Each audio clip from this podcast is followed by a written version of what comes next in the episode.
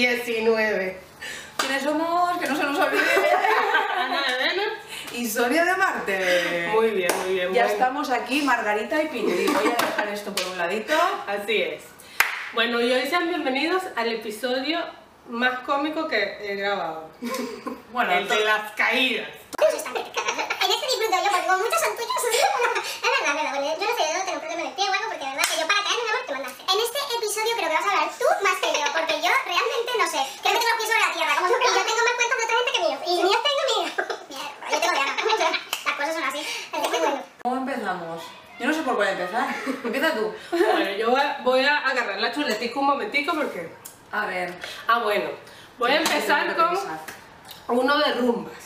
Cuando te vas de rumba con los amigos y hay alcohol de por medio, siempre hay alguien que se cae. Peligro. Da- Danger. Nada, yo no sé por qué la gente cuando toma le da por montarse en las mesas. O sea, eso es muy grave, marica. En fin. Un amigo de nosotras, este, estamos rumbeando, no sé qué, y se montó en una, en una mesa de un lugar llamado La Belle Époque. Para los venezolanos, saben que ese lugar tenía muchísimo tiempo. Por lo tanto, hay mucha gente que se ha subido en esas mesas. Sí, ¿no? y aparte que son viejas, o sea, esa madera debería estar más podrida que nadie. Y bueno, estamos, lo peor es que no era música de rumba, era como de Ricky, ¿sabes? Cosas así. No sé, y yo sé que mi primo y yo solo lo oíamos y decíamos, se va a caer, se va a caer porque la madera así así. Bueno, La- El literal que está. Al piso. Dios mío. Entonces yo creo que ya se le fue las manos. Coño, por lo menos se movió, ¿no? Para saber si estaba vivo o no. Digo yo, no, porque no, no, re- claro, si ya se primero- mueve ya te puedes reír. Sí, yo tengo un mal que yo veo a alguien caerse y me río demasiado, o sea, de verdad que, o sea, trato de decir, está bien, está bien, porque no puedo. Coño, es comprensible, Ana. Yo creo que eso es comprensible. Porque las caídas a todo el mundo, el que diga que no miente, gracia. Totalmente. Mejor. Además, tú cuando te caes, lo primero que haces, mirar hacia los lados por si alguien te ve, ¿no? Y se ríe de ti. Pero si yo me río de mí, de mis caídas locas, porque aparte son locas, o sea, no me ríe la gente, no. Es muy fuerte. Lo de Anís con las caídas es muy Te voy a contar una. Que no sé si contar. Bueno, aunque deberías de contarla tú y yo de- después mi perspectiva. Yo voy a contar cómo lo vi yo, su propia caída. Porque un día íbamos por venidor andando y hablando tú, tú, tú, tú, tú. Y en una de esas que me giro para hablar con ella, no está. Y yo digo, coño, coño, y me hablan, pero desde el más allá. Y me miro hacia abajo y me la veo tal cual la cara pegada a mi pie. Y yo digo, el piso. ¡Coño! ¿Y qué ha pasado? Y la pobre que no decía ni mu, estaba ahí, boca abajo, comiendo suelo. Y así, así. Y porque privada. lo que estaba era privada en las risas, porque ya a mí me Pero, y yo digo, yo digo, ¿cómo es esta mujer que va andando tan tranquilamente y termina besando el suelo? Yo pensé, coño, están buenas mis zapatillas. El tema estaba en que yo voy pensando, mientras voy caminando voy pensando que me puedo caer. Entonces yo voy viendo con mucha atención el alrededor. ¿Qué pasaba en ese momento? Que venía como una bajadita de un parking, ¿saben? Para que los coches entren, ¿no? Y estaba viendo que el piso estaba súper resbalado. Eh, resbaladizo. Resbaloso. Exacto, resbaloso como tal. Y agarro y yo digo, me voy a bajar de, eh, ¿cómo se llama? De la, De la acera. De la acera. Porque aquí le dicen calzada, ¿no? La calzada es la, la por donde van los coches. Ah, ok. digamos. Ah, bueno. Porque yo me voy O sea, me voy a bajar a la calzada. Exacto. Querías, querías. Exacto, me voy, eso era lo que quería decir. Me iba a bajar a la calzada porque dije, eh, aquí me voy a caer. Pero estoy pensando, aquí me voy a caer y metí el pie así Y y, se me fui de lado así, de boca. No sé por qué Y coño porque no puse primero- las manos. ¿Tú por qué coño pones el pie? O sea, en vez de poner me el piececito que está más cerca y bajar, ¿por qué el contrario iba? O sea, te estás haciendo No sé por qué hice. Seguí el paso, pues. Seguí el paso que seguí y ¡pum! Bueno, como una croquetilla cayó. No lo vi, pero me lo imaginé. Porque además es que me la vi, no sé si era la risa, que estaba botando en el suelo calladita así, ¡pum, pum, pum! o que se acababa de caer y estaba así como croquetilla haciendo wing, wing. No Bueno, sé. estaba muerta la risa Pero- me- ellos me decían, Sonia estaba como histérica porque se reía y me decía, pero estás bien. Claro. Y se seguía riendo y me decía, estás bien. Y Me yo no le podía decir. lo que tú dices. Me quiero preocupar, me quiero ayudar, pero es que me tengo que descojonar. Porque la vi tan graciosa ahí en el suelecito. Sí, sí, yo estaba, pero mira, hasta ahí. Bueno! A mí me encantó. No, no, me me encantó esa caída. Tenemos otra tuya, ¿eh? No por nada. Pues te la voy a contar rápido. es Esta- esta no tiene gracia, pero tiene gracia visto desde, de mi, desde mi perspectiva que iba detrás. Yo siempre cuando salimos a hacer rutas de senderismo, siempre le digo, Ana, cuidado con los dientes. Cuidado con los dientes que te vas a caer, porque se cae tantas veces que yo ya sé que se va a caer cuando salimos. Y vos- paso por el lado de un sitio así conflictivo, Ana, los dientes. Ana, los dientes. Bueno, pues una de esas de los dientes hizo ella, ¡pum! o sea, tal cual. Fue así, va tan tranquilita y cayó con el culo ¡pum! rebotado. Y yo digo, no me jodas, Ana, pero es que se levanta y entonces ¡pum! se vuelve a caer en el mismo sitio. Se cayó sobre una piedra, pero es que se volvió a caer sobre la misma Sí, piedra. Esa me dolió, esa, esa sí me dolió. Pero te caes y te recaes sobre tu propia caída, ¿no? Te voy a contar que no tenía senderismo, no los tengo. Y vamos a hacer rutitas. Aquí las rutas son en las montañas donde hay piedras y caminos, no sé qué. Pero hay una tierrita en especial que es como un talco. Entonces, claro, si tú no llevas los zapatos adecuados, agarras piso como yo. Entonces, claro, lo gracioso fue zapatillas de senderismo, te lo tengo dicho, porque ya no puede ser que te caigas en más sitios. De verdad. No, no, de esas tengo, o sea, ustedes no saben cuántas, desde que yo vivo aquí, que hacemos rutas, todas las veces que vamos, todas las veces me Yo caigo. tengo una teoría. Yo creo que ella va a analizar, hace un análisis de los diferentes tipos de tierra de las zonas de la comunidad valenciana y lo tiene que comprar en el culo, a ver la caída, lo que duele y lo que no duele. ¿Sabes? Decirle, por aquí es o por aquí no es. Claro, eh, chicos, voy- en Wikiloc voy a escribir, por aquí si te caes, el culo duele. Porque es que se caen todas las rutas que hacemos. De verdad que sí es, es heavy. Bueno, va a seguir con otra mía. A ver, a ver. Pero a esto ver. es, o sea, no había alcohol de por medio ni nada. Yo estaba en un coche sentada esperando a, a mi prima y un amigo que fueron a comprar el alcohol en una licorería. ¿Qué pasa? Que está el coche aparcado, es- viene la acera que era larguísima y viene la licorería que tenía un escaloncito de este tamaño, así, de verdad. Coño, porque es muy pequeño. No, nadie lo veía. Entonces, claro, si tú vas caminando y levantas bien los pies como las personas normales, pues este, no pasa nada. Pero si vas como yo, que arrastro los pies o no sé, porque realmente no sé qué pasó en ese momento. Yo venía, estaba en el coche y están llamando la mamá de mi amigo y yo salgo corriendo como si fuera la llamada, o sea, la del castigo. Saliste volando Pero salí así. volando así como que la necesidad de entregarle el móvil rápido. Cuando llego, o sea, voy tan tan tan tan tan. No vi el escaloncito y me tropecé y caí de rodillas, caí de rodillas. Y llegué a mi amigo así. ¡No! ¡No! Y mi amigo Tetazo me has pegado, ¿eh? Tetazo me has pegado. Me paró mi amigo y eh, ¿dónde están las chucherías? El estante de las chucherías. Ay, y mi amigo atiende eh, el móvil y que, ¿aló mamá? sí, todo bien. Es de ridícula. ¿Y esta Eva qué? O sea, y mi prima, mi prima, mi prima, mi sangre, o sea, yo también te amo, gracias, hey, pero bueno.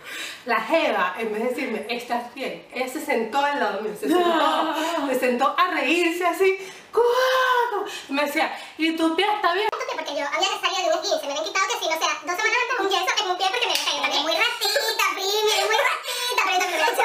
Ay, que se ríe, se ríe. Y el de la licorería se asoma así y dice, mira, y ella entra así todos lados. Mira. Toda la licorería. ¡Ah!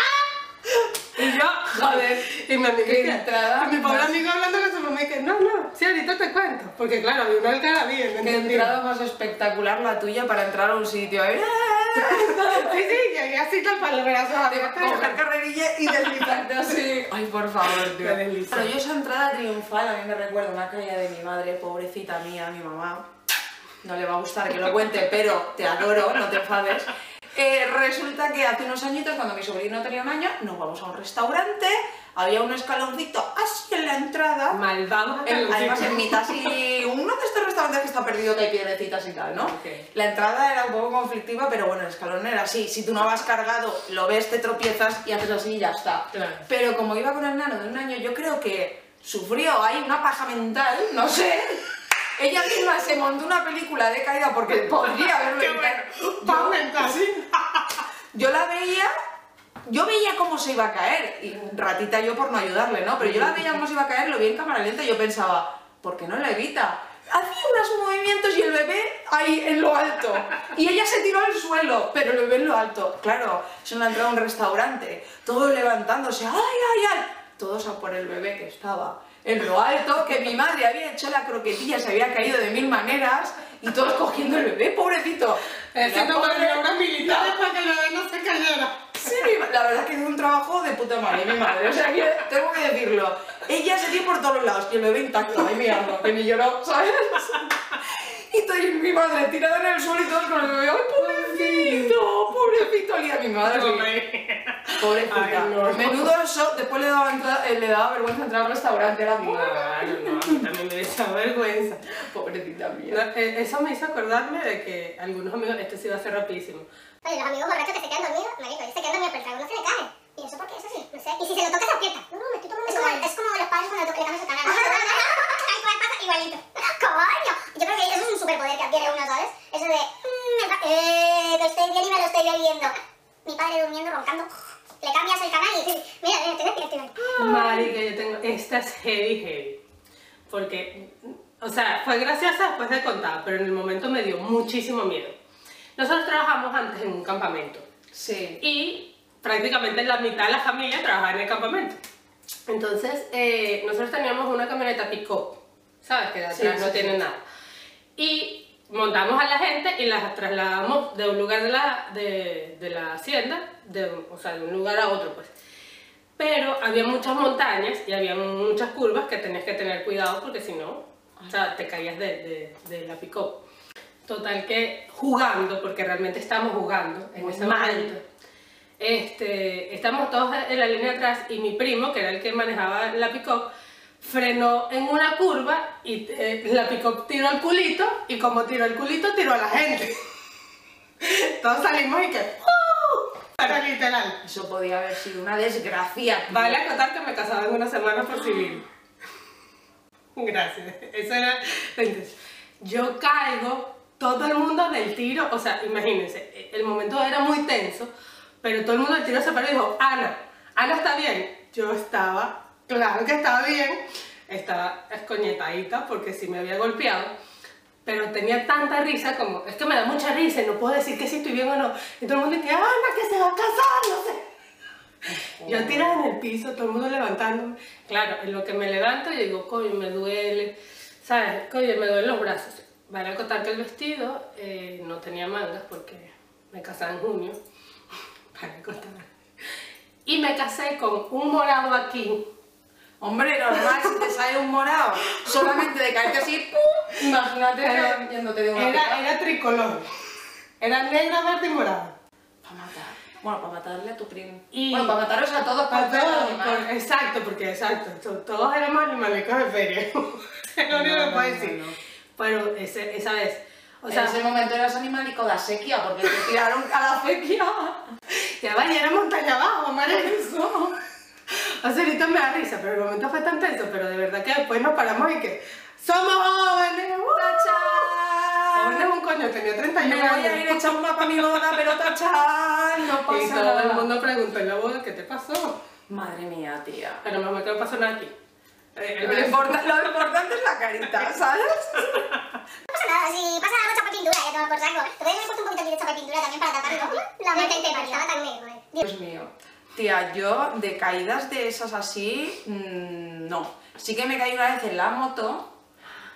Caídas he tenido muchas, pero una en particular cuando yo tenía mi motito nueva que yo no hacía el loco, porque no hacía el loco, bueno, hacía un poquito el loco, pero controlado. Y una amiga, ¡ay, déjame la moto, déjame la moto! Se le dejó la moto. La primera caída, ¿eh? Le dejó la moto. Primero normal, no se presta mucho. No, no. Yo no quería, pero es que al final te sabe mal, es tu amiga y dices, coño, es tan pesada, no pilla la, indirec- la indirecta, pues le voy a dejar la moto. Que, mío, pues decidió coger una rotonda en recto y delante teníamos un bordillo, estos que son más grandes de los normales, Ah, altos, que ahí sabes que no vas a subir encima del bordillo, no, vas a salir volando. Bueno, salimos volando y yo estaba tan preocupada por mi moto, sí. Fue así, y había monte, menos mal que íbamos ya a monte porque ahora, ahora hay casas y Claro, tal. exacto. Ahora está más civilizado, pero antes había monte, entonces fu- fuimos rodando por el monte. Pero yo solamente miraba mi moto como hacía... Y yo... me dolía y cómo se iba rascando mi moto. A mí me daba igual mi cuerpo, tía. Pero Bueno, tuve bueno. la gran suerte y ella la desgracia de que fuimos rodando juntas y yo siempre iba encima de ella. ¿Qué le pasó a ella? Es que un mapa. O sea, es el pantalón rascado, sangre por aquí, sangre por allá. Y me miraba el médico y me decía, ¿y tú? Yo también me he caído, te lo prometo, pero no ¿Yo te estaba con ella? no tenía ni un morado, yo toda llena de sangre y yo ni un morado. Y todo se lo llevó ella, y ella decía, hija de puta, yo, castigo de Dios. Que eso en el fondo no es gracioso, pero en su momento nos pareció gracioso. Claro. Y bueno, ya que Sonia me hizo recordar uno buenísimo ahorita que al principio también lo vimos como grave, pero después nos reíamos infinito. Era que veníamos en dos camionetas porque nos íbamos a la playa, eh, a un lugar llamado Higuerote, otra vez. Las camionetas, qué peligro tienen, marico. Pero este en especial era un jeep que tenía techo de lona, por ende la puerta también era de lona. Y eh, íbamos todos chévere, no sé qué. Y tenemos un amigo extra large, es decir, extra large en todos los sentidos. De dos metros de la, dos metros de ancho, o sea, muy grande, ¿no? Coño. De hecho, en ese grupo de amigos teníamos un gordo, un- o sea, le decíamos el gordo, le decíamos el negro, le decíamos el chino. De verdad. Vamos, que ninguno por el nombre. No, porque los venezolanos no sentimos bullying porque nos digan, ¡eh, llegó la gorda! Eh, la gorda está divertida, ¿sabes? O sea, no, no tiene nada de malo, porque llegó el negro, güey, qué bien. O sea, yo sé si le puedo decir gorda a... Porque yo a veces digo gorda, menos a la que gorda. ah, bueno, a mí también me pasa. Entonces digo gordi, no sé qué gordi, pero yo después cuando es una persona grande digo, no se lo voy a decir, no vaya a ser que se. Entonces, claro, estamos en, en los coches y yo veo así que viene la rotonda, mi amigo la agarra súper rápido y sale volando, pero literal. El pero con- gordo. El gordito. Gordo Carlos, que tampoco sé dónde está en, en el globo terráqueo, por ahí debe Marico, salió volando, literal. Dios Y entonces, claro, es que era muy grande, qué entonces rebotó como dos veces y se paró y. ¡Woohoo! Todo bien, mira. ¿Rodó? ¿Sabes un poquito? Claro, pero el momento, esos fueron dos segundos, o sea, imagínate, de verdad pasó todo muy rápido. Imagínate que vas en un coche y de repente ves a alguien salir y ves una bolita tú, tú, y a la tercera ya te qué. Ese, ese sí hizo chachán. Coño. ¡Cachán! Estaba preparado, me he tirado del coche, ¿sabes? Pero coño, pero se Marica, podía nos haber hecho cagamos, claro, nos cagamos porque estamos dando la vuelta a la rotonda y de regreso, claro, cuando lo vemos bien, que se sentó como que, claro, después hace así, se sentó en la acera, ¿sabes? Como, verga, qué susto. Entiendo que después de ver que todo estaba bien, os morís de la risa del pobre Goldo. Pero mierda, tía, que salga disparado de un coche así. Marico, Volando. Men, otro nivel. O sea, de verdad que después nos reímos demasiado del momento porque, claro, todo estaba bien, pues, pero fue tenso. Dios mío. Y recuerdo que, no sé si fue en ese viaje o fue en otro, que estamos en el mismo jeep, pero estamos otras personas, no, estaba, no estábamos con él. Y se, ah, el chino estaba atrás y veníamos comiendo una hamburguesa McDonald's. Y venía como un, aquí cómo se llaman, Los- en Venezuela son los policías acostados, por ejemplo. Ah, los badenes. Los badenes. Y claro, también venía rápido mi amigo en el jeep con todo abierto, cuando tienes la lona abierta, hasta que tienes la ventana y tienes la lona abierta, ¿sabes? No tienes nada. Sí. Bueno, hice así y mi amigo, no sé, obviamente pasó la vaina rapidísimo, mi amigo se le salió la hamburguesa y se le salió por la... Mierda, eso da más rabia. ¿Qué coño? Estaba una ya caída, a punto de morder la hamburguesa y. ¡Ah! Y hace. Ah. Vuélvete a McDonald's, pero de y lo peor es que los que estamos adelante, o sea, mi amigo y yo que estamos de piloto y copiloto no nos dimos cuenta, pues, o sea, y lo que escuchamos fue, ¡Coño de la madre! Cuando nos volteamos la mano porque eso en el pi...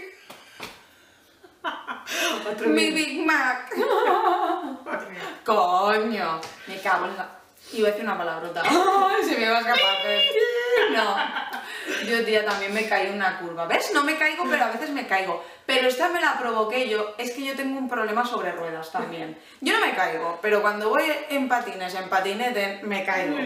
Y un día yo iba con mis patines de ahí. Porque cogí la emoción de que yo quería aprender patín, monopatín y todo. Y hay veces que hay cuestas que tú no, al ojo no las percibes, pero si vas con patines, conforme vas avanzando te vas dando cuenta que coges velocidad. velocidad. Pues bien, cogí una de esas sin tener ni puta idea de patinar. Sé patinar, pero no sé frenar, ese es el problema. Ok. ¿Qué pasa? Que yo fui cogiendo velocidad y al final yo dije, hostias, allí viene una curva. no sé girar, ¿sabes? O bien sigo recto y me estampo contra los pinos, o bien me tiro al suelo con la velocidad que llevaba y, y me caigo y me freno yo misma. Claro. ¿Cuál fue mi decisión? ¿Cuál crees que fue mi decisión? Yo los pinos no me los iba a comer. Entonces yo dije, ya está, me- con esa velocidad que iba dije, me tiro al puto suelo. Claro, con esa velocidad empecé a rodar, pam, claro. pam, pam, pam, pam, pam. Empecé a rodar, pero como un gato de esto que se queda así de lado. Bueno, me cabré tanto conmigo misma que cogí los patines y me fui descalza a mi casa.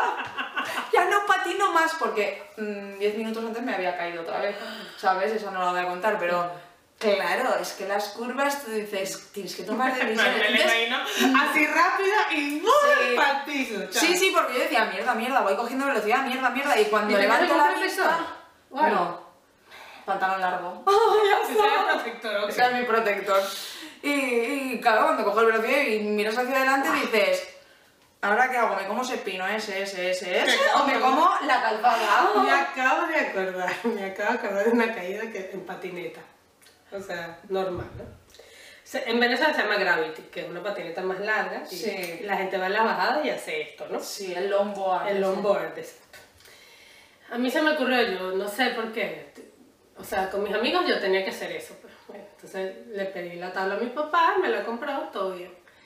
La primera vez que me lancé, me lancé de arriba, lo más alto. O sea, yo no empecé de abajo porque yo no, no era Ah. más arrecha que ellos. Pues. Y me pasó lo de eso. que voy bajando y uno tiene que ir así, ¿no? Y yo, mamita. O- así, para los que no está escuchando, tienes que ir eh, de la Haciendo ¿no? zigzag. Zigzag, exacto. Entonces, ¿qué pasó? Que yo fui en zigzag, pero fue agarrando velocidad. Y en un momento Claro. dejó de hacer el zigzag y seguí derecho. Es como los... es- claro, ya no, ya no te da tiempo a hacer el zigzag. Yo no me bajaba porque yo decía, me va a pasar eso. O sea, si, no te puedes bajar de coñazo, si te bajas tienes que salir corriendo para ir Sí, a la claro. velocidad, ¿no? Y yo, ¿qué hago? ¿Qué hago? No sé, me, se me atravesó una piedra en el camino. Hostia. La patineta se paró de coñazo, yo salí volando, después la patineta, como venía en bajada, siguió sea, Dios. se metió en una alcantarilla y el piso así. y todo se mató. Dios.